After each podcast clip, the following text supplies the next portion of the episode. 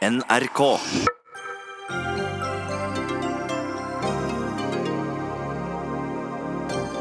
Venstre, Høyre og Fremskrittspartiet vil utrede et forbud mot homoterapi. Regjeringspartner KrF stritter imot, mener et forbud svekker trosfriheten. Jeg trenger deg, mamma, skrev Kristine Five Berg på vegne av barn av toppledere. Men kvinner i dag klarer å balansere toppjobb og privatliv, svarer toppleder Anne Limbo. Christian Tonning Riise beklaget oppførselen sin i et TV 2-intervju om metoo-anklagene. Nyanseringen, eller bagatelliseringen, plukker metoo fra hverandre, mener Dagsavisen redaktør. Og i dag tapte Norge nok en barnevernssak i Den europeiske menneskerettighetsdomstolen. Barnevernet forholder seg ikke til internasjonale konvensjoner, sier advokat.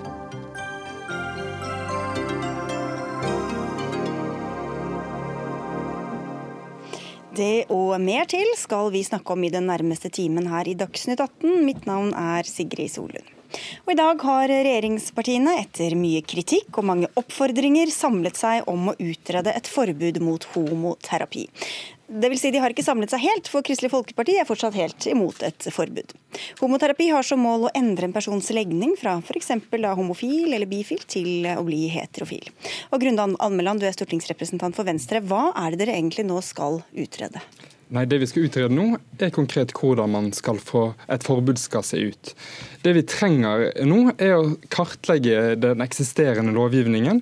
Finne ut hva er det som allerede vil omfattes av dagens lovgivning, og eventuelt hva er det som må legges til for å sørge for at denne praksisen ikke tillates. Og så vil jeg legge til at dette handler både, eh, Hele begrepet handler både om seksuell orientering, men også om kjønnsidentitet. Og det er viktig å få fram i denne mm. saken. Men Betyr det da at det blir et forbud, eller at det kanskje blir et forbud, eller hva er det som ligger på trappene? Regjeringen sier jo nå i dag at helt klart dette skal ikke tillates.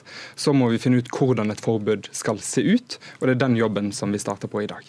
Men den jobben er ikke dere for, Hans Fredrik Grøvan, du sitter på Stortinget for eh, Kristelig Folkeparti. Hvorfor ønsker ikke dere en sånn utredning? Altså, vi opplever at denne utredningen har én hensikt, og det er å lage et forbud. Vi mener at eh, det bør være muligheter for mennesker etter fri vilje å kunne søke hjelp til å orientere seg i den type spørsmål i forhold til veiledning, samtale eller fellesskap. Det å forby eh, den muligheten der, eh, det syns vi ikke tilhører et liberalt demokrati. Det må folk få lov til å velge sjøl. Men vi er veldig opptatt av alt som handler om tvang eller press eller på annen måte overgrep. Det ønsker vi selvsagt skal være forbudt, og det mener vi at dagens lovverk regulerer på en god måte. Så her er det snakk om å ta i bruk dagens lovverk for å, for å sikre at ikke noen blir utsatt for det, og ellers at folk må få lov til å velge sjøl om de ønsker den type samtale. Ja, for det er vel ikke det frivillige dere vil til livs, så hvorfor skal man forby noe som allerede er forbudt? Det kommer jo klart fram av bl.a. de dokumentarene som VGTV har vist, at her er det mye som foregår som i dag vi ikke klarer å håndtere på en god nok måte. Og så er det jo nok også en del som ikke i dag er forbudt. Det viser, det er jo derfor bl.a. Europaparlamentet har oppfordret alle sine medlemsland i EU til å innføre et sånn type forbud. Og jeg tror lignende type arbeid trengs også i Norge for å sikre at denne type praksis ikke skjer. Og vi har mye kjennskap til, eh, både fra dokumentaren, men også fra andre eksempler på at dette her forekommer jo i dag. Dokumentaren, Da er det denne VG-dokumentaren som ja, du viser til. Så, så Grøvan, Hvorfor kan dere ikke da utrede og se hva som er innenfor allerede eksisterende lovverk, og hva som trengs av eventuelt eh, ytterligere lovverk? Altså, vi eh, har ikke vært imot å, å kartlegge dagens praksis, men, men, her er det jo, som Grunde sier, det er en utredning med tanke på å forby. Eh, og Når vi da har hørt eh, representanter for de som har stilt forslaget i debatten, at her skal alt forbys, her snakkes det om å forby samtaler, veiledning. Eh, og da eh, må vi si at eh, vi opplever at dette er en sterk inngrepen i folks mulighet til å velge, og ikke minst en slag mot trosfriheten, som er et veldig viktig prinsipp som vi ønsker å stå opp for. For Dette er egentlig et Arbeiderparti-forslag, men noe dere stiller dere helt bak? Ja, Venstre, Venstre vedtok dette tilbake i 2017 på sitt landsstyre, at vi ønsket et forbud. Og Det er ikke snakk om her å forby at folk skal snakke sammen. Når vi ser på de 18 statene i USA som har et et eksisterende lovforbud, når vi ser på Malta, som er innført i Europa, når vi ser på den foreslåtte lovgivningen i Tyskland eller Irland, så ser vi helt klart at her klarer man å balansere de ulike hensynene på en god måte, med sikte på å få bukt med denne praksisen vi alle sammen vil til livs. Ja, og det strider dere mot trosfriheten bare å utrede et forbud, Grøve? Nei, altså Vi eh, mener som sagt at eh, en kartlegging hadde vært helt greit. Men, men det bare skal ikke resultere i noen ting? Altså en, en utredning med tanke på forbud eh, mener vi griper inn i trosfriheten som prinsipp, og vi ønsker ikke det. Men vi ønsker en tydeligere oppfølging og bruk av lovverket for å slå ned på det som helt klart er ulovlig i dag. Alt som heter tvang, overgrep, det er vi helt klart imot, og det ønsker vi å få en slutt på. Kari Henriksen, du sitter på Stortinget for Arbeiderpartiet, og dere har som nevnt vært for et sånt forbud, så dette er vel en gledens dag for dere? Nei, dette er en dag for eh, politisk spill. Dette er ikke noe annet enn forsøk på å snakke om noe annet enn det dette egentlig dreier seg om. Og dette dreier seg om en praksis som er diskriminerende, krenkende og livstruende for unge mennesker og for voksne mennesker. Og Hvis Venstre og regjeringa var så opptatt av utredning, så kunne de stemt for et lovforbud. For når lover kommer til Stortinget, så utredes de. Og når eh, Venstre sitter i regjering, så har de til og med en ganske stor innflytelse på hvordan den utredninga skal se ut. Så dette er egentlig bare en avsporing av hele debatten for å få fokus over på noe annet. Dette at det der er ulike syn i regjeringa, og at Kristelig Folkeparti nok en gang har fått vetorett på viktige verdispørsmål. Og at Venstre nå er bundet til masta i forhold til å uh, måtte inn, uh, innse at Kristelig Folkeparti nok en gang har lagt ned veto mot et forbud som de sier de er for, men som ikke de altså da kan gå for i Stortinget. Nei, dette her er jo Arbeiderpartiet helt på ville veier. Det vi gjør nå, Eh, er jo rett og slett å starte arbeidet med å få på plass et forbud. Denne utredningen er første steget for å få på plass det forbudet. La meg si det så enkelt. En lov må skrives før den kan vedtas. Og så vil Arbeiderpartiet her at vi skal først vedta at vi skal skrive loven. Og det prinsippet er for så vidt fint, men nå har regjeringen allerede sagt at vi starter den jobben med å skrive loven i dag. Vi venter ikke en måned. Nei, men fortell, hva, hva er gangen i dette her nå, da? Dere skal kartlegge og lage lover samtidig, eller hva er det som skjer egentlig? Nei, Det som starter nå, er at regjeringen starter utnevningsprosessen. Lovforarbeidet startes nå, og så vil det resultere helt konkret i noe som Stortinget vil ta stilling til. Ja, for å vite hva man skal vedta, så må man ja. vite hva det innebærer, Henriksen. Dette her er jo bare, med all respekt, eh, Grunde Almeland, dette er bare tøv. Vi har foreslått i Stortinget å komme tilbake til Stortinget med en lov som forbyr homoterapi. Det er ikke det de sier at de skal gjøre, da? Jo, men så sier de at vi skal ha et annet forslag, og der skal det stå at vi skal utrede forbud. Det er akkurat det samme. De kunne bare stemt for men, forbudet, men det kan de ikke fordi at de sitter i regjering med Kristelig ja, Folkeparti. De, de, må jo vite hvordan forbudet skal se ut. Dere vet jo heller ikke nøyaktig hvordan Nei, det skal se ut nå. Nei, og det er derfor vi har bedt regjeringa komme tilbake. Så prosessen er jo akkurat den samme som Grunde Almeland sier. At regjeringa må komme tilbake til Stortinget med et forslag om en lovtekst. Sånn er det i alle saker. Og bare la meg ta en ting til. I regjeringserklæringa er det mange andre viktige ting, f.eks. abortspørsmålet, som ikke ble utreda. Nei, som ikke ble utreda. Ja, men, Der var det ingen som trengte noe utredning. Hvorfor spiller en rolle altså man, eh, de, vil ikke det, altså de vil ikke stemme for deres forslag, men så lenge det resulterer i et, et lovforbud, som dere da vil stemme for når regjeringa kommer, når regjeringspartiene foreslår det, hva er forskjellen egentlig? Nei, forskjellen er bare hvor latterlig det blir at de må fremme et nytt forslag for å få at de ikke bare stemmer for deres? Resultatet. De kan bare stemme for vårt forslag. Ok, Men resultatet det blir det forbud. samme. Til, til, slutt så blir det det samme? Ja, det er det ikke vi vet. For nå sier uh, Almeland at det skal uh, utredes et forbud, og det hadde vært en del diskusjon om hva den utredninga egentlig skal, skal inneholde. Og vi mener at det skal utredes et klart forbud, nettopp fordi at her er det altså en praksis som tar livet av folk. Det tar livet av folk. og det, det er du helt enig Men hvorfor kan dere ikke bare stemme for det Arbeiderpartiet foreslår? Vi starter altså? den jobben allerede i dag. Vi venter ikke med å gjøre et vedtak i desember. Vi starter jobben med den utredningen allerede i dag. Det er det som er varslet til Stortinget i dag. Statsråden, likestillingsministeren, har vært klart ute, klart tydelig og sagt, og jeg kan referere at vi starter med en oppfølging av disse spørsmålene og ytterligere lovendring for å forhindre denne type praksis, hvordan et slikt lovverk vil se ut, og hvilke begrensninger som bør være i det. Og Det kommer regjeringen tilbake til Stortinget til Og da håper jeg at Arbeiderpartiet også er med oss på å stemme for det. Men da kan de stemme for et forbud nå. For det, altså Uansett om de stemmer for et forbud når denne saken skal opp i regjeringa, eller de stemmer for utredning, så er altså da prosessen satt i gang. Og hvis ikke de vil noe annet enn Men vi setter i gang prosessen allerede nå. Vi trenger ikke vente. Eh, du, du beskylder dem for politisk spill, men det er kanskje noen som vil mene at dere driver med ja, litt men politisk spill? Mener at de kan selvfølgelig sette i gang de prosessene når de vil. De sitter i regjering. De ja, og komme, derfor gjør vi det nå. Ja, men hør nå, De kan komme til regjeringen med en lovproposisjon akkurat når de vil. Når, når, Arbeiderpartiet foreslo dette, så sa de veldig mange i både Høyre og, nei, og, og, um, Venstre, og også Fremskrittspartiet, sa at de var for et forbud. Så hadde vi en politisk debatt i regjeringen, sannsynligvis, der Kristelig Folkeparti sa nei. Og så har de altså landa på det som skal være en sånn type mellomløsning, som ikke er noe annet enn Enten så må det være sånn at de sier ja til et forbud, da kan de stemme for oss, eller så sier de nei til et forbud, og da stemmer Men de ikke for oss. Du vet like godt som alle andre at det er veldig sjelden man stemmer for, for, forslag som kommer fra andre partier enn dem man er enig med fra før av, og så kommer man med noe som ligner litt, og så stemmer man for det i stedet for. Ja, men det er, jo, det er jo noe av det jeg sier. Hvis de er for et forbud, så kan de stemme for et forbud. Ja, og da spør jeg, Kan dette ende med at dere ikke vil komme med et forslag til forbud og stemme for det likevel? Regjeringen har forpliktet seg til her til å gå gjennom dagens regelverk, si hva som omfattes av dagens regelverk, og så komme tilbake til Stortinget med ytterligere presiseringer. Og Hvordan vil dere forsøke å påvirke den prosessen da underveis? Eh, altså Nå eh, vil vi eh, sette oss ned og, og vurdere det som regjeringen legger fram på, på det tidspunktet, og gå gjennom den utredningen som skal gjøres. Så er vi jo også veldig glad for at vi har en statsminister som tydelig har gitt uttrykk for at her er det dilemmaer.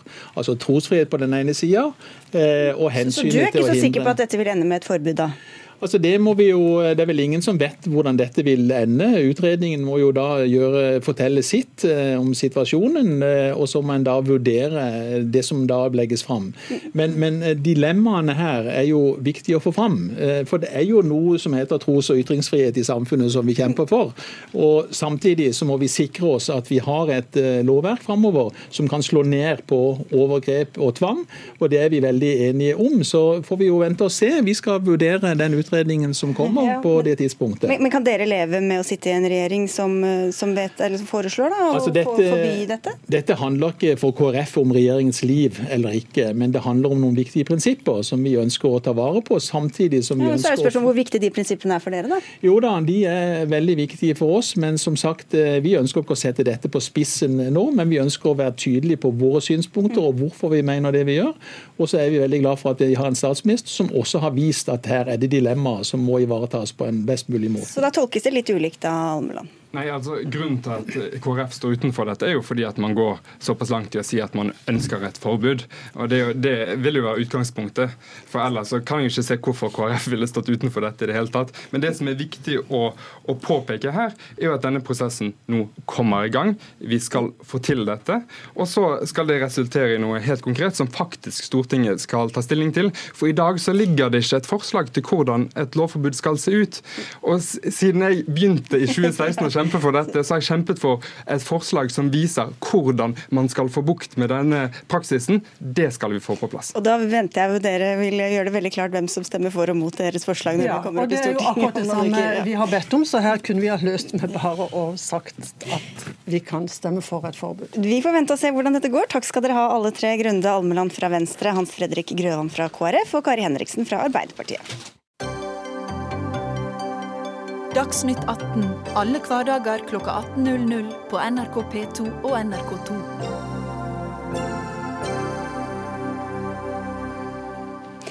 Det skapte debatt og engasjement da Anita Krohn Traaseth i Aftenposten ga fem råd til unge kvinner med lederambisjoner. Et av dem var å la barna gå for lut og kaldt vann av og til. Vår erfaring er at det kan bli skikkelig fine folk av barn som lærer seg tidlig å ta ansvar, skrev hun og fikk støtte fra bl.a. Andre, andre toppledere. Og en av dem skal vi høre fra straks, men først til et annet innlegg som lød slik.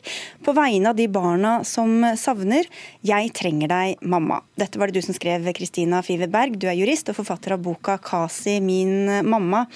Og da skjønner alle hvem moren din var. Men hvorfor følte du behov for å rykke ut og, og si dette nå? Først og fremst vil jeg si takk for at jeg får lov å komme hit. Og, Selv takk. Ja, jeg er glad for å få være med å løfte barnets perspektiv inn i denne debatten. Eh, hensikten min med innlegget var nettopp det, å åpne debatten eh, for flere perspektiver.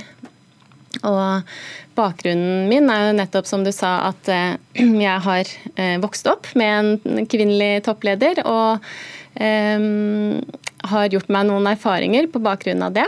Uh, og ja, da ønsket jeg å kaste meg inn i debatten. Ja, for det, var som jeg nevnte et innlegg fra Tråseth, og så kom det en kronikk fra to andre toppledere, Anne Limbo og Maria Østerhus Lobo, som, som støttet Tråseth. Og hvilke mm. perspektiver var det da du savnet i disse kronikkene, og andre, som, andre stemmer?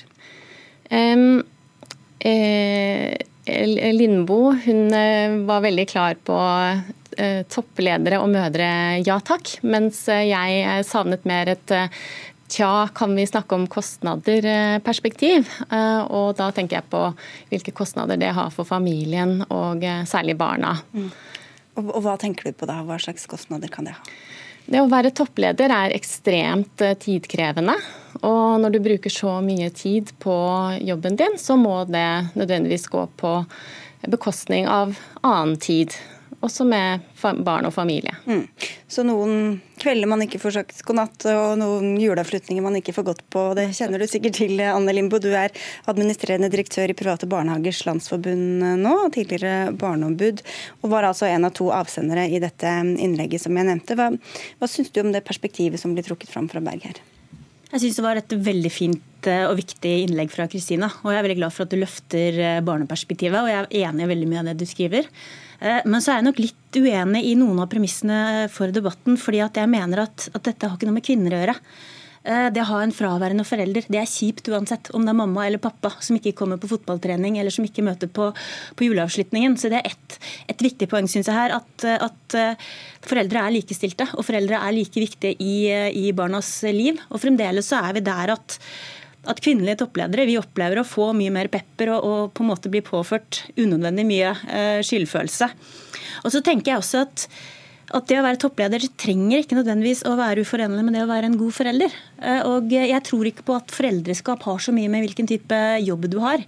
Eh, det er fullt mulig å prioritere begge deler. Selvfølgelig så må man prioritere steinhardt, og man må må ta veldig mange strenge valg, først og fremst på, på vegne av seg selv. Eh, så det blir jo ikke tid til mye annet enn barn og, og jobb ofte. Men, men, det trenger ikke nødvendigvis å gå utover barna. Men, men, men, det må jo gjøre det noen ganger. Altså, det er reising og det er seine møter og telefonsamtaler osv. Da, da rekker man jo ikke alt det som man kanskje har lyst til å være med på, hvor barna vil, vil kjenne et eller annet savn. Enten etter mor eller, eller etter far, men særlig mor, da, som vi snakker om som nå, eller som er det vi snakker om nå. Så hvorfor ikke bare være ærlig om det? Jo, men Det tror jeg er noe alle foreldre kjenner seg igjen i. Jeg tror ikke det er spesielt for, for toppledere. Og jeg husker selv kanskje den vanskeligste perioden for meg da, som mor, det var da jeg var lege og jobba i turnus på sykehus. Eh, jeg måtte være borte fra barna mine på julaften, påskeaften. Eh, jeg hadde ikke fri i helgene. Jeg hadde null fleksibilitet. Eh, jeg måtte være på jobb ferdig skifta åtte og gå hjem fire. Det var veldig krevende. Eh, nå som toppleder så har jeg en helt annen fleksibilitet. Jeg kan ta ferie når jeg vil, jeg kan, ta, jeg kan gå på fotballtrening, jeg kan gå på, på påskeavslutning og Lucia fordi jeg selv styrer over tiden min. Så det er også et poeng at vi er, vi er faktisk også ganske privilegerte som, som, som uh, toppledere. Så det jeg tenker er, det som er kanskje viktig i denne debatten, er egentlig hvordan løfte på en måte debatten til hvordan kan, hvordan kan vi stille opp sånn at ingen foreldre, uansett om det er toppleder, om det går i turnus, om det er mann eller kvinne, skal kunne klare å, å forene det å være foreldre og og, lykkes på jobb?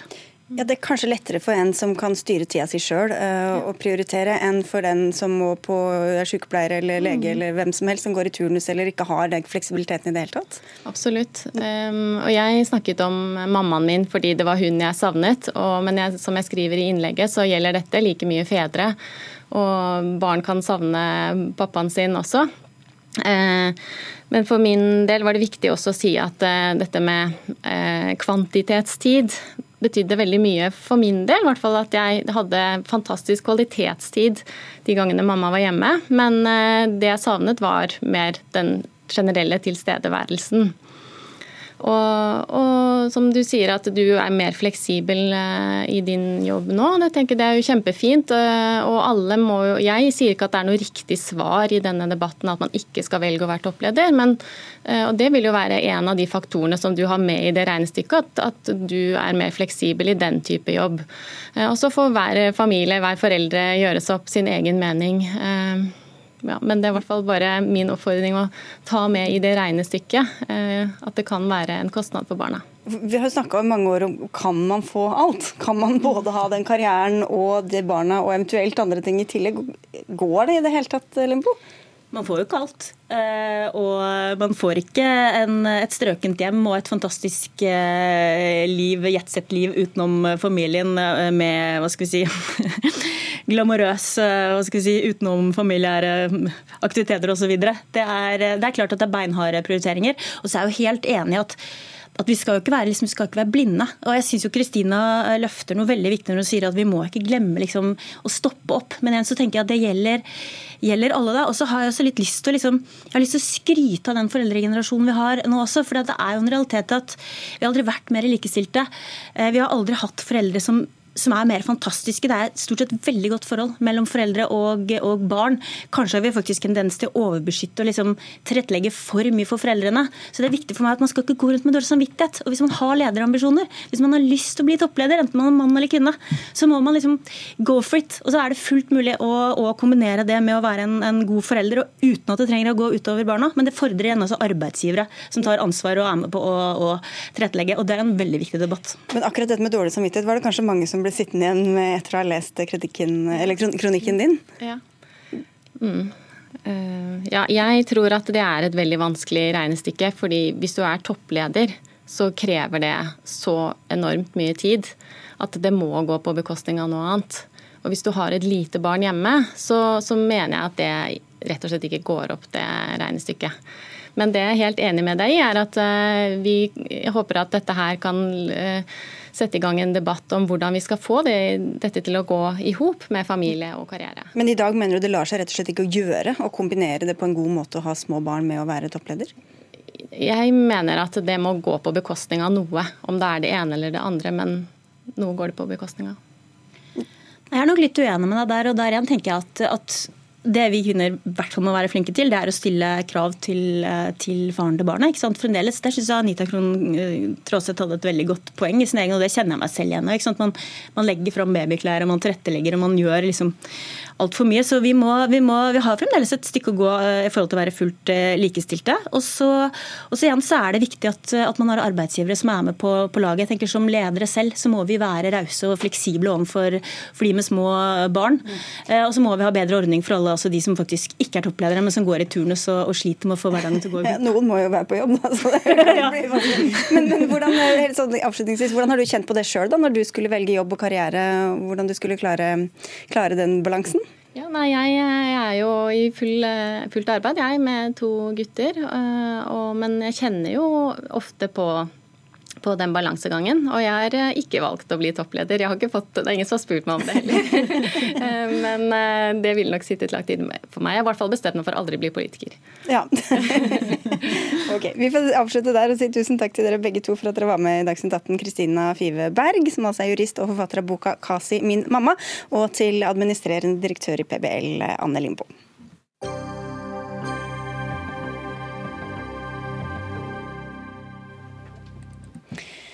Snart skal vi diskutere om TV 2 burde ha intervjua Christian Tonning Riise, og med det preget hvordan metoo-kampanjen oppfattes nå to år etter. Men aller først. Arbeiderpartiet svikter opplæringen til de minste skolebarna i de store byene.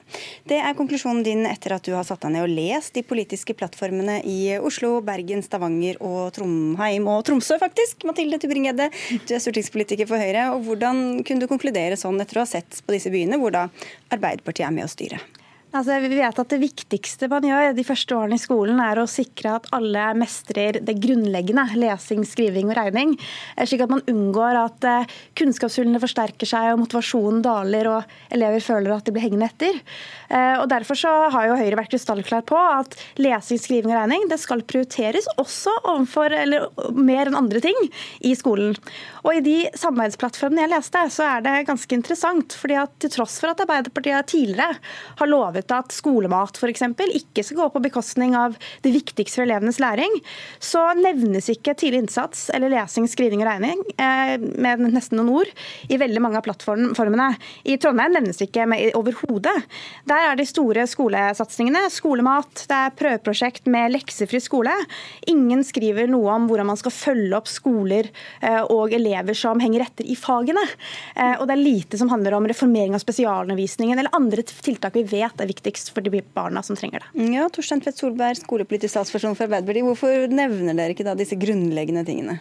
Nei, for det første vil jeg jo bare si at jeg er helt uenig med premisset til Mathilde. En er i alle plattformene, jeg har lest gjennom de.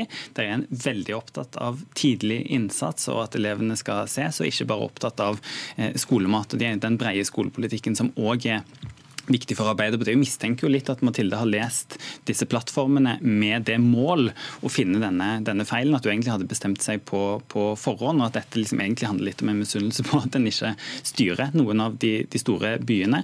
For den faktiske påstanden er, er rent, eh, rent, faktisk eh, feil. Det står nesten i alle plattformene. Han er tydelig på flere ressurser til skole og barnehage. Han er tydelig på at han vil prioritere tidlig innsats. Han er tydelig på at han vil ha spesialundervisning og styrke PP-tjenestene. Og jeg er veldig stolt av de ulike plattformene som er rundt i, rundt i storbyen, rett og slett.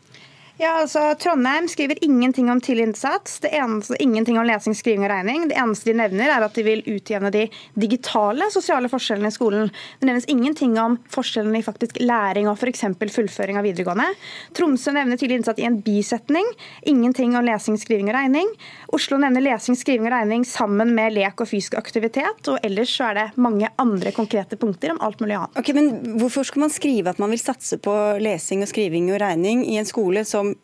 har som grunn, det mest grunnleggende å faktisk satse på, skole, nei, på skriving, regning og, og, lesing? Fordi det er 10 000 barn som går ut av ungdomsskolen uten å mestre det grunnleggende. Og det er også veldig store forskjeller mellom kommuner og mellom skoler. Ikke av vond vilje, men også av fokus. Kan politikere som tør å si at dette er det viktigste, og at man derfor også skal både avdekke barn som strever og sliter, og også følge dem opp på en bedre måte. Og Det er et lagspill som krever ikke bare en dyktig lærer, det krever det absolutt, men det krever også en kommune som så, så hvis de ikke nevner det, så er du redd for at de ikke satser så mye Nei, på det? Men, men man ser det også i prioritering av penger. ikke sant? I Oslo skal man bruke 300 millioner kroner på skolemat, samtidig som vi ser at flere barn sliter med lesing, skriving og regning de første årene. Og Det er klart at det, det er jo eh, måte, mm. ganske tankeløst, da, mener jeg, eh, når man egentlig burde prioritert det som all forskning viser er viktigst for barnet, nemlig en god lærer, god ledelse og tydelige prioriteringer. Så det blir liksom at Hvis regjeringen sier at den skal satse på åtte saker, og klima ikke er en av dem, ja da er ikke klima en satsingssak? Nå er klima en veldig stor satsingssak, og det har det vært, vært lenge. Men, men, men, men, det har betydning. Det, det, samme. Det, altså, det ligger under liksom, at man vet at man skal Og det har selvfølgelig betydning hva man følger opp i handling òg. Jeg mener at dette henger sammen. Og jeg mener at dette er en sammenheng her mellom Arbeiderpartiets politikk også nasjonalt, hvor de også nå går imot mye av kompetansekrav til lærere, eh, det usikre på, på karakterkrav til lærerutdanningen. Man har begynt å snu da, i mange viktige spørsmål som handler om kunnskap i skolen. Ja, der er, og Der er vi helt uenige. Og der jeg er uenig med Høyre sitt kunnskapssyn, er at det må gå an å ha to tanker i hodet samtidig. Og Det er jo det alle våre politiske plattformer rundt i storbyene viser at det både går an å satse på tidlig innsats, som betyr liksom flere ressurser, flere lærere. og det er det jeg liksom lurer litt på, for Jeg opplever ikke at Mathilde egentlig er uenig i det som er innholdet i det en må på en måte få til for å få til, få til tidlig innsats. Og så mener vi samtidig da at det er viktig å få til en bedre skolehelsetjeneste, at det er viktig å få til, få til skolemat. Og En skal liksom passe seg litt for å gjøre disse plattformene for viktige, for de er veldig forskjellige. I Oslo har de skrevet en lang plattform og fått plass til veldig mye. I Tromsø har de skrevet en kort plattform og på en måte hentet opp noen av de viktige tingene. I Stavanger så styrte Høyre 24 år og lagde ikke en eneste plattform. Så da kan du på en måte snu, snu tilbake og si liksom at Høyre i Stavanger aldri var opptatt av dette. Og det gjør jeg ikke. For jeg vet at i Stavanger var Høyre opptatt av innhold i skolen. Og gratis skolemat, vel? Ja, altså jeg trodde Tidligere så har jo Arbeiderpartiet f.eks. vært opptatt av en lese-, skrive- og regnegaranti, men det følges ikke opp i noen av disse byene. Men Det er jo, Mathilde, det må, det, må, det må jeg bare få svare på. for Det er en nasjonal garanti som vi gikk til valg på i 2017, der vi ville, eh, som egentlig handler om, som handler om tidlig innsats. Det er vår nasjonale tidlig innsats-reform. Men det må jo følges opp, opp i kommunene og på skolene, for det er der barna er. Men når vi tapte treng... valget og ikke fikk, eh, fikk, gjennomslag, så er det litt vanskelig å gjennomføre for alle, alle de kommunene det på samme måte. Men det alle kommunene faktisk gjennomfører, er definisjon av hva den tidlige innsats, den leseske garantien er.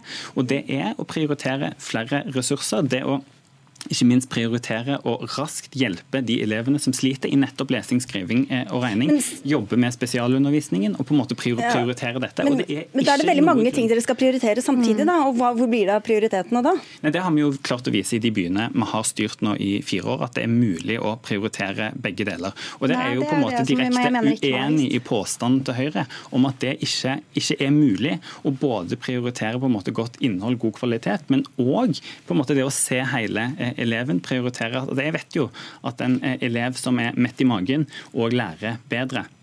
Og Det er kunstig skapt motsetning fra høyresida. At en ikke både kan prioritere og, og, og ha ikke... penger til skolemat og til det. Og På samme jeg, måte da, så kan jeg jo utfordre Høyre ja. på at de har jo brukt 24 milliarder nasjonalt på skattekutt. Og Da er det jo på en måte litt det samme. da, ikke sant? At For Høyre vil bruke skattekutt. Kroner, det er det viktigere. Det er viktigere enn skolen. Hver eneste krone man bruker på skolebudsjettet, bør brukes på de tiltakene vi vet er viktigst for å løfte de elevene som i dag sliter. Det er mitt utgangspunkt. Og Der er nettopp problemet at eh, skolemat er, er en, eh, kan være fint, flott på noen skoler, kan til og med være viktig. og det bør prioriteres. Men en universell ordning når over 90 okay, har med seg matpakke Nei, men, men det er, Dette handler igjen om uh, hva, hva, ser man på som det viktigste for å løfte de elevene som trenger det mest. Og Jeg kan jo kanskje utfordre Torstein da, på uh, Mener du at lesing, skriving og regning de første årene er viktigere enn andre fag. Nei, men sant, Jeg er jo helt uenig i at det er premisset ditt om at du må sette disse tingene opp mot hverandre. Ja, for det, er, det går på hva du bruker Nei, tid på, da, f.eks. Hva du bruker lærekrefter på. Nei, men òg hva du bruker pengene på. Og Vi har vist at det både er mulig å bruke penger på å ansette flere lærere, det er bare å se på Arbeiderpartiet sine alternative budsjetter, og å få til skolemat. Og det, jeg synes det, er, det ble dumt av Høyre å lage et sånt kunstig skille, for det, det fins egentlig, egentlig ikke. Så satt jo utdanningsminister Jan Tore Sanner her i går og snakket om hvor viktig det var med lek i skolen og praktisk læring, som, som, jo egentlig er det samme du kritiserer Arbeiderpartiet Nei, for, det, for også Her er det to forskjeller. fordi at det, det, vi gjorde med de nye læreplanene, som jeg er veldig glad for, er at vi slanker de og gir rom for at lærerne kan variere undervisningen. Fordi en seksåring og en niåring lærer på forskjellige måter. Men målet er uansett at man skal lære lesing, skriving og regning. Eh, F.eks. å bruke fysisk aktivitet i mattetimen. Det kan godt være det hjelper noen elever, men det er en feil medisin for andre. Så målet må være at politikerne er tydelige på at vi må prioritere. Og jeg tror politikere, jeg tror foreldre og lærere gjennomskuer på politikere som ikke tør å si at noe er viktigere enn andre, og at lesing, skriving og regning er helt avgjørende også for kritisk tenkning og demokratiforståelse senere. Poenget med alle de politiske plattformene, de gode politiske plattformene som er rundt omkring i alle de kommunene vi nå, vi nå snakker om, er at en prioriterer nettopp skole framfor eh, andre ting. Og denne debatten viser bare at det Høyre egentlig er sure for, er at det er de, ikke de som styrer skolene.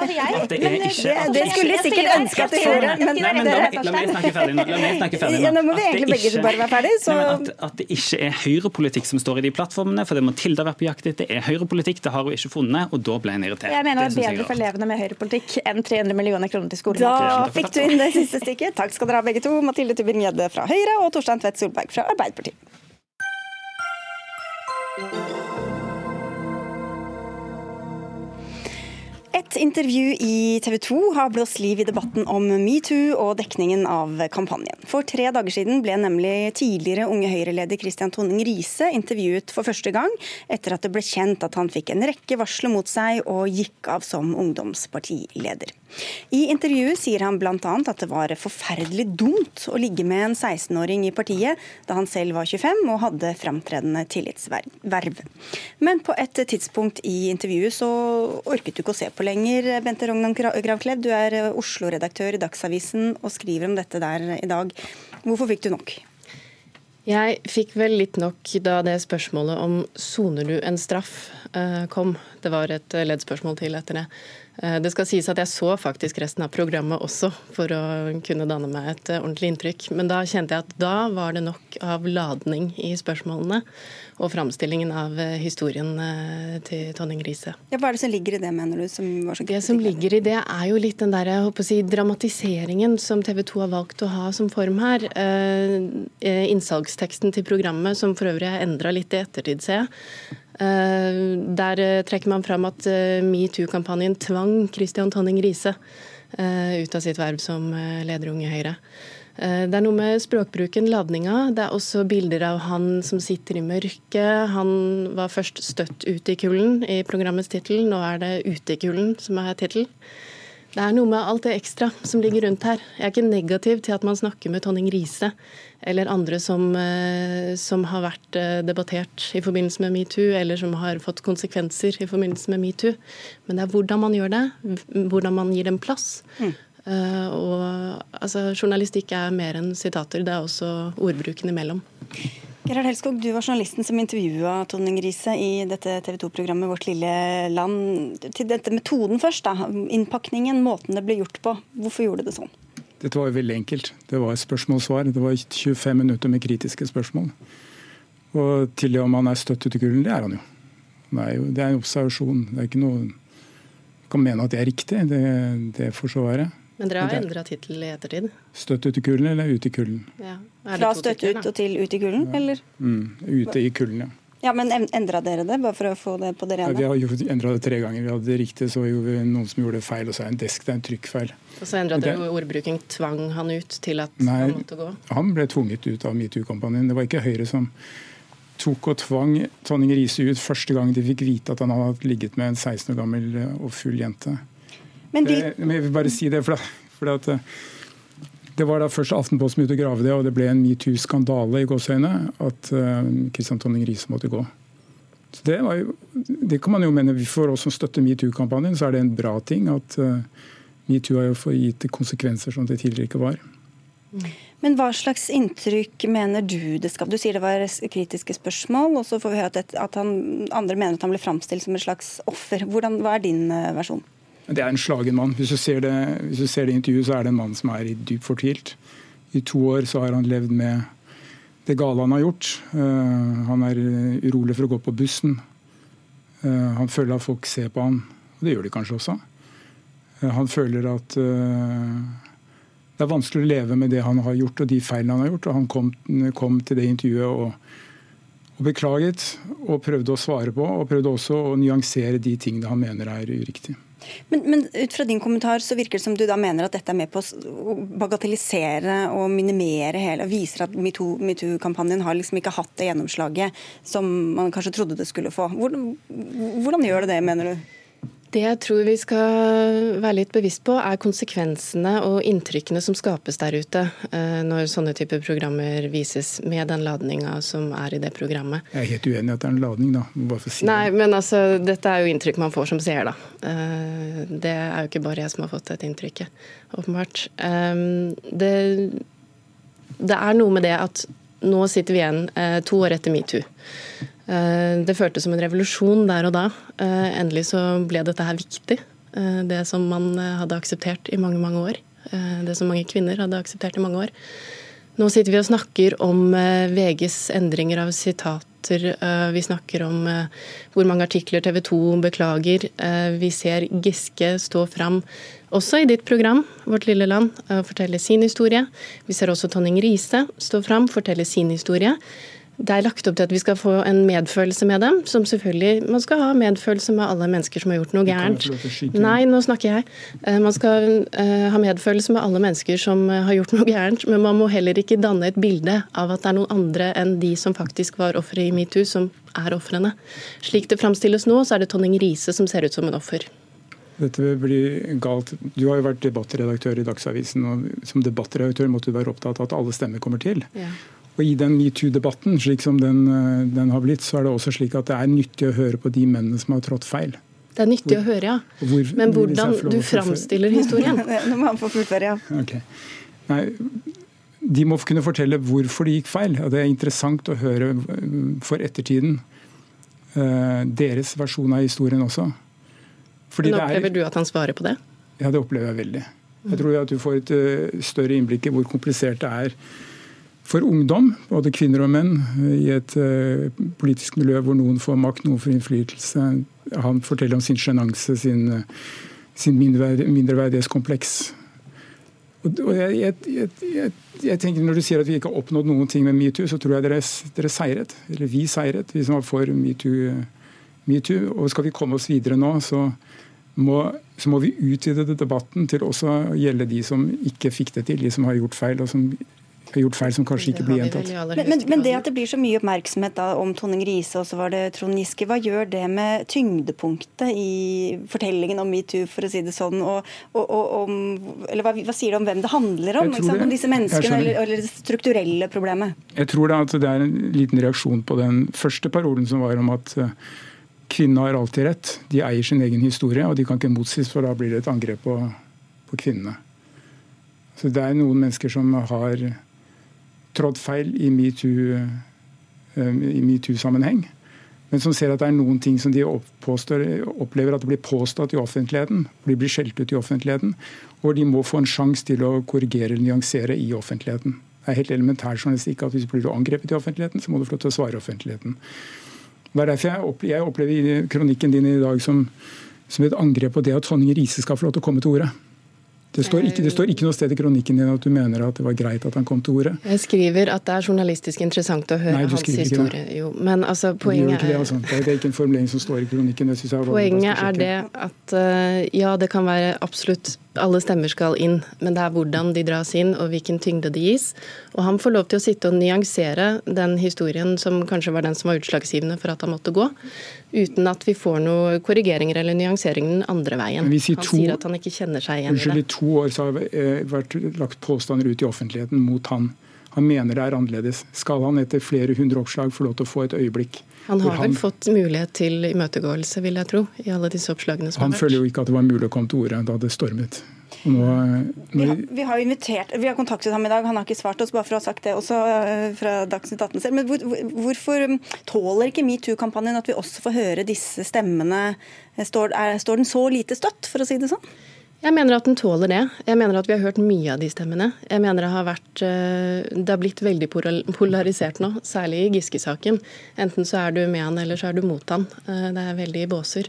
Eh, vi har fått mange av de andre historiene. Og det kommer igjen og igjen. Og vi får Det var mye reindyrka metoo i starten. Det er veldig lite av det nå. Det er veldig lite søkelys på noe annet enn de sakene som har vært, og medienes håndtering av dem. Jeg tror at Det som eh, skjedde med Tonning Riise da Høyre fikk beskjed om at han hadde ligget med en full 16-åring, da det skjedde ingenting, det tror jeg ikke kan skje igjen. Det kan ikke skje igjen i et ungdomsparti eller et eh, idrettslag eller et foreningsliv eller på arbeidsplass. deltatt. Sånn sett har eh, metoo vunnet. og Da er vi så ovenpå at vi har råd til å høre på alle stemmene. Også de som også til de som har trådt feil. Da er vi tilbake ved start. Vi skal si tusen takk til dere to i denne omgang. Bente Rognan Gravklev, som er altså Oslo-redaktør i Dagsavisen, og til deg, journalist i TV 2, Gerhard Helskog.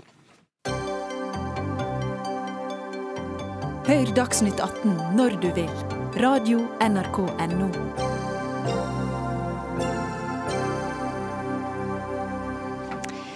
Så til norsk barnevern, som har fått nok en dom mot seg. I dag vant nemlig enda et foreldrepar fram i Den europeiske menneskerettighetsdomstolen. Til sammen behandler den 26 saker om norsk barnevern i år, og flere av dem har da allerede resultert i domfellelse. Mari Trommald, du er direktør for Barne-, ungdoms- og familiedirektoratet og har da ansvar for norsk barnevern. Hva er det som skjer da, når så mange saker tydeligvis bryter mot viktige menneskerettigheter. Ja, bare for å si litt først om, så lytterne også forstår litt om ansvarsdelingen innenfor barnevernet. For mye av den dommen som kommer nå, handler litt om det også. Så er det jo eh, norske kommuner som har et stort ansvar og stor myndighet innenfor barnevern, og forbereder saker om omsorgsovertagelser. Og så har vi fylkesnemndene, som er eh, en rettslignende eh, struktur som, som behandler da selve vedtaket om, om omsorgsovertagelsen og tar stilling til det, samt samvær. Og så til slutt kan man anke inn i domstolene.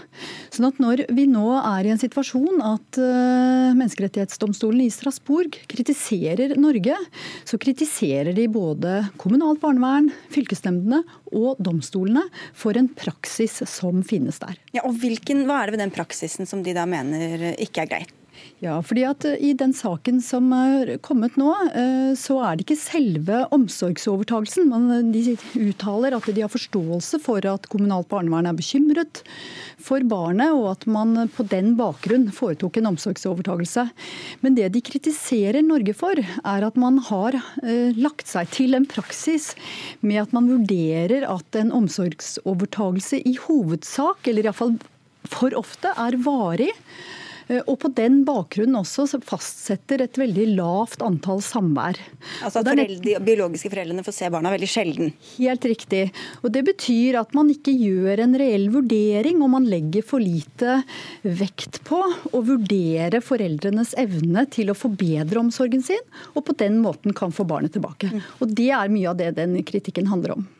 Thea Totland, du er advokat og spesialiserer deg på barns rettigheter. og I en kronikk i Aftenposten så kritiserer du alle disse delene egentlig som, mm. som Trommald er, er, eh, inne på, og, og, snakker om følgefeil i barnevernet. Hvor er det det går galt, mener du?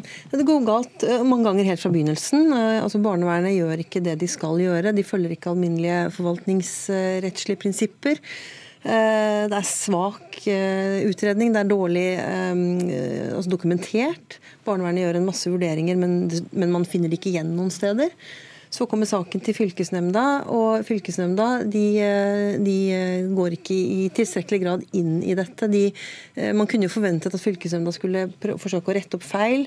Er, etter min erfaring så er det ikke noe særlig interesse for å rette feil i de videre instansene. Og, sånn følge, og da, dermed så blir de feilene til barnevernet de blir da på en måte, de får da mer vekt på en måte da, fordi fylkesnemnda Er det kompetansen som svikter, eller er det holdninger, eller hvorfor, hvorfor ja. går det galt? Ja, ja til alt. ja, ja. Jeg tenker at det er en kombinasjon av begge deler.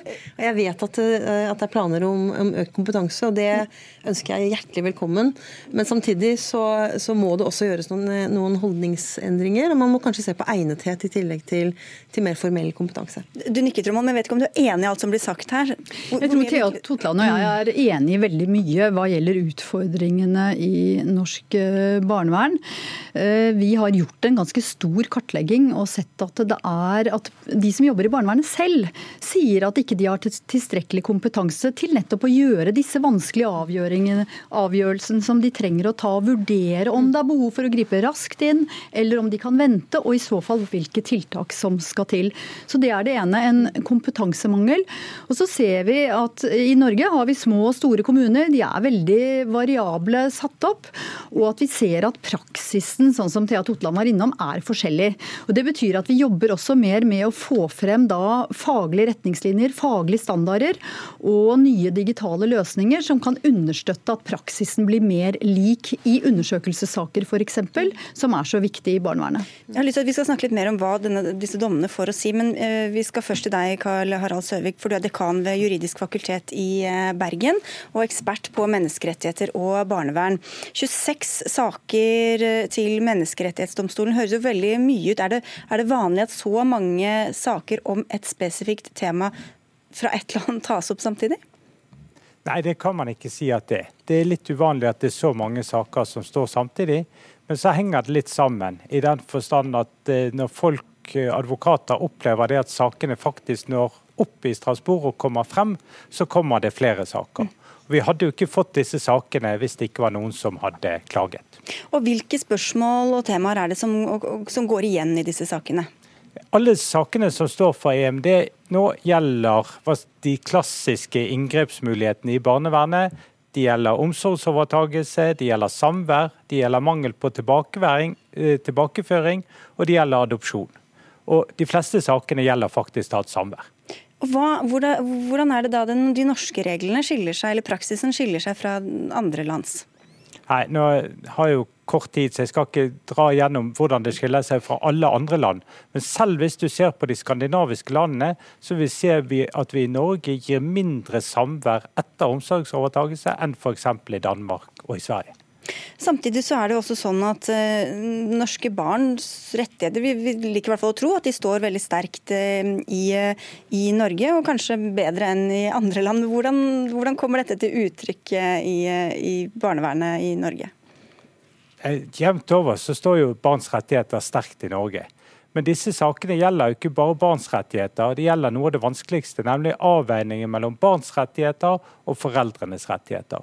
Og Noen ganger så er det jo en form for avveining mellom foreldrenes ønske om tilbakeføring og barnas behov for stabilitet. Og I denne konkrete saken så mener EMD at vi norske myndigheter i for stor grad har lagt vekt på hensynet til stabilitet ut ifra en sånn generell vurdering. uten å gå konkret inn i dette barnet sine behov.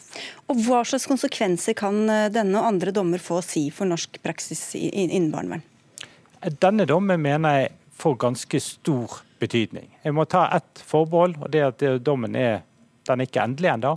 Men det er en dom som har stor betydning fordi at samværet i denne saken det var fire til seks ganger i året. Det er et ganske typisk samværsomfang i norske barnevernssaker. Og det sier EMD her er i strid med retten til familieliv for foreldrene. Så denne dommen vil ha stor betydning.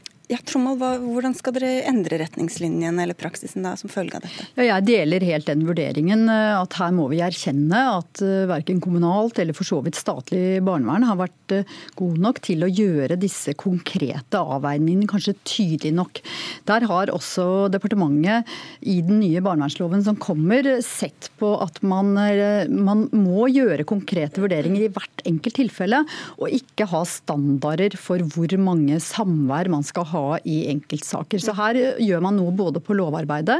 Det er ingen tvil om at vi må gå grundig inn i dette og se på hvordan vi kan endre retningslinjer for å gjøre bedre avveininger. Mm. Det betyr jo ikke at ikke man skal ta hensyn til barna og vurdere barnas behov, men det er selve avveiningen her som ikke kommer tydelig nok frem, er ikke godt nok begrunnet, og man klarer ikke å redegjøre for hvilke vurderinger man faktisk har gjort i saken. Og Det er nettopp disse avveiningene som vi også hørte fra Bergen at er, er vanskelige. Vilde Adolfsen, du er leder for eh, Landsforeningen for barnevernsbarn. Vi hører mye om foreldrene som føler seg dårlig behandlet, men hva med eh, fokuset og, og, og omsorgen for barna? Hvordan syns du de kommer til, til syne her? Ikke i det hele tatt, dessverre. Det vi ser i disse EMD-sakene, er at det blir en kamp mellom foreldrene og staten Norge.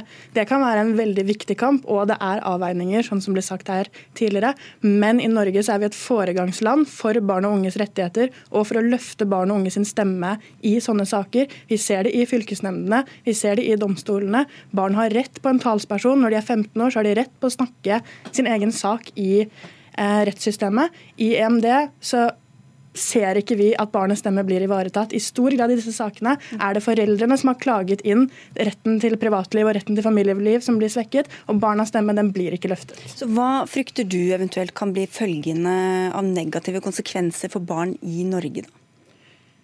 Det er jo et stort spørsmål, et vanskelig spørsmål. Eh, det vi ser er at vi skal kunne gjøre gode endringer i form av hva disse sakene peker på som er negativt. Vi er også enig i at samværsretten må diskuteres. Disse fire til seks gangene i året er ikke bra nok. Det kan ikke være en førende trend. Men vi må tørre å se at barn og unge i Norge de har en så sterk rettslig stemme hva gjelder sin rett til privatliv og sin rett til kontakt med familie. Og det er vi redd blir glemt i CMD-sakene. Du skal få svare, Truman, men først til deg, Totland, for du fører jo sakene for foreldrene. Men det er jo ikke gitt at det eller, jeg føler du for, for, for, for, barn også. Men det, det, er, det, vil vel ikke være gitt at det som er det foreldrene ønsker, er det som er beste for barna? Naturligvis i sånne saker. Nei, det kan være veldig forskjellig. I noen saker så har barn og foreldre helt felles interesser, og i andre saker så har de det ikke. Og i de sakene der barn og foreldre har ikke sammenfallende interesser, så, så, så, skjønner jeg at man kan på en måte tenke at dette var ikke så bra for barna. Men det er jo også i barnas interesser at vi, at vi, får, at vi har liksom grunnleggende rettsprinsipper. Det kommer jo også barna til gode. Har man spurt barna? Jo, de har nok, jeg tror nok at eh, barna spørres i mye mye større grad nå enn da jeg begynte å mase om menneskerettigheter og Barnekonvensjonen for ti år siden. Så det har skjedd veldig mye de siste ti årene. Vi, skal ikke nødvendigvis liksom gå inn i hver enkelt sak, men det var en som ble nevnt her, hvor foreldrene får tilbake en elleve år gammel gutt som ble tatt fra dem da, de var, da han var tre uker gammel. Er det, er det, gitt at det er det beste for gutten å komme tilbake etter så lang tid? Jeg har ikke hørt om et sånt eksempel, men hvis du tenker Strand Lobben-saken, så var det i hvert fall en ganske lignende problemstilling. Men der må det jo gjøres en vurdering om det er best for dette barnet å skulle komme tilbake. og I, et sånt tilfelle så vil vel ofte svaret ende opp på nei. Men, men hvis, hvis, formålet er å, å, sikre retten til familieliv, så kan mye gjøres med i forhold til samvær også. For det er klart at en elleve år gammel gutt som ikke har bodd med foreldrene sine siden han var tre måneder, han kan i hvert fall ha glede av eh, et samvær hvor han blir kjent med familien sin, og kanskje han har småsøsken, og kanskje han har onkel, fetter og kusiner. og Det kan være en større krets der som det kan være i barnets interesse å bli kjent med. At, en sånn der total avsondring og samvær med tilsyn trenger ikke å være det beste i alle tilfeller. Ja, og jeg syns det er viktig å lytte her nøye til det som Vilde sier. Nå har vi i Norge jobbet veldig lenge med å få frem barnas syn i barnevernssaker og sikre deres rettigheter. Så selv om det kommer en dom nå, så må vi passe på ikke kjøre over i en annen grøft. At vi da glemmer fremover å lytte til barna. Så her er det ja takk begge deler, og ikke, ikke undervurdere behovet for å lytte til barna, tenker jeg. Hvilke, Adolfsen, hva slags Alt skal jo selvfølgelig skje man skal ta og vurdere hver sak og hvert barn og hver foreldrepar og alt som for seg. Men hva slags retningslinjer ønsker du deg for at barnas beste skal da bli vektlagt enda mer? Det viktigste er at vi anerkjenner at vi har gode rettigheter for barn og unge i dag, og vi må beskytte de i disse spørsmålene hvor foreldrene føler seg krenket. Det betyr ikke at foreldrenes følelse eh, ikke er viktig, men vi må være forsiktige med å da eh, istedenfor å øke foreldrenes rettigheter, senke barna sine, men klare å ha to tanker i hodet samtidig. Og opprettholde barnets rettigheter samtidig som vi ser på foreldrenes mulighet til å kunne gjøre dette på en bedre måte. Hvor, hvor, flinke syns du, Totland, også igjen umulig å svare på, men jeg stiller spørsmål likevel, er foreldre til å se hva som er best for sine egne barn der hvor de selv Igjen, da, det vil jo være veldig ulikt i de ulike sakene. Og, og, det hender jo selvfølgelig at eh, man sitter og tenker at eh, selv, selv om man er foreldrenes advokat, at her er det nok riktig med en omsorgsovertakelse. Men da har jo jeg også en jobb da, som advokat å forsøke å, å, formidle til foreldrene hva de selv kan gjøre for at det skal bli bedre neste gang eller lettere å nå igjennom senere. Eh, og så er det en, en, god del foreldre som er utrolig sensitive i forhold til eh, barnas interesser, selv om man ikke kan spore noe av det i noen barneverndokumenter. Mm. Og Det er jo de sakene som gjør at, man, at, vi advokater blir litt opprørte, fordi vi ser at, eh, at, at det gjøres så mange feil, og det blir ikke rettet opp. Ja, Det er bare veldig viktig for meg som skal representere en hel organisasjon full av barnevernsbarn, å peke på at de dommene som ligger i EMD, det er de alvorlige tilfellene. Mm. Vi, kan, vi, må anerkjenne at barnevernet i dag de gjør veldig mye bra. Og de fleste som får hjelp fra barnevernet, får det i form av hjelpetiltak som de i stor grad er fornøyd med. Og vi må ikke ha en så polarisert debatt at vi glemmer at det finnes et mm. barnevern der ute som skal ivareta rettssikkerheten til barn og unge.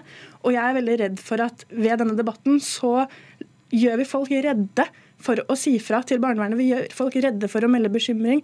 Og jeg vet ikke om jeg kan stille spørsmål, men nå gjør jeg det likevel. For hva tenker du da som advokat når vi løfter dette, og vi er så sinna på et barnevern som skal være der for barn og unge, hvis en lærer nå leser eller hører denne debatten og ikke tør å melde fra om det barnet de er bekymra for? Vi kan ikke la være å si fra når noe er galt av den frykten. Vi er heller nødt til å begynne å reparere det som ikke er bra nok. Og, og, Hvis barnevernet begynner å følge lover og regler, så tenker jeg at vi vil få økt tillit til det arbeidet barnevernet gjør.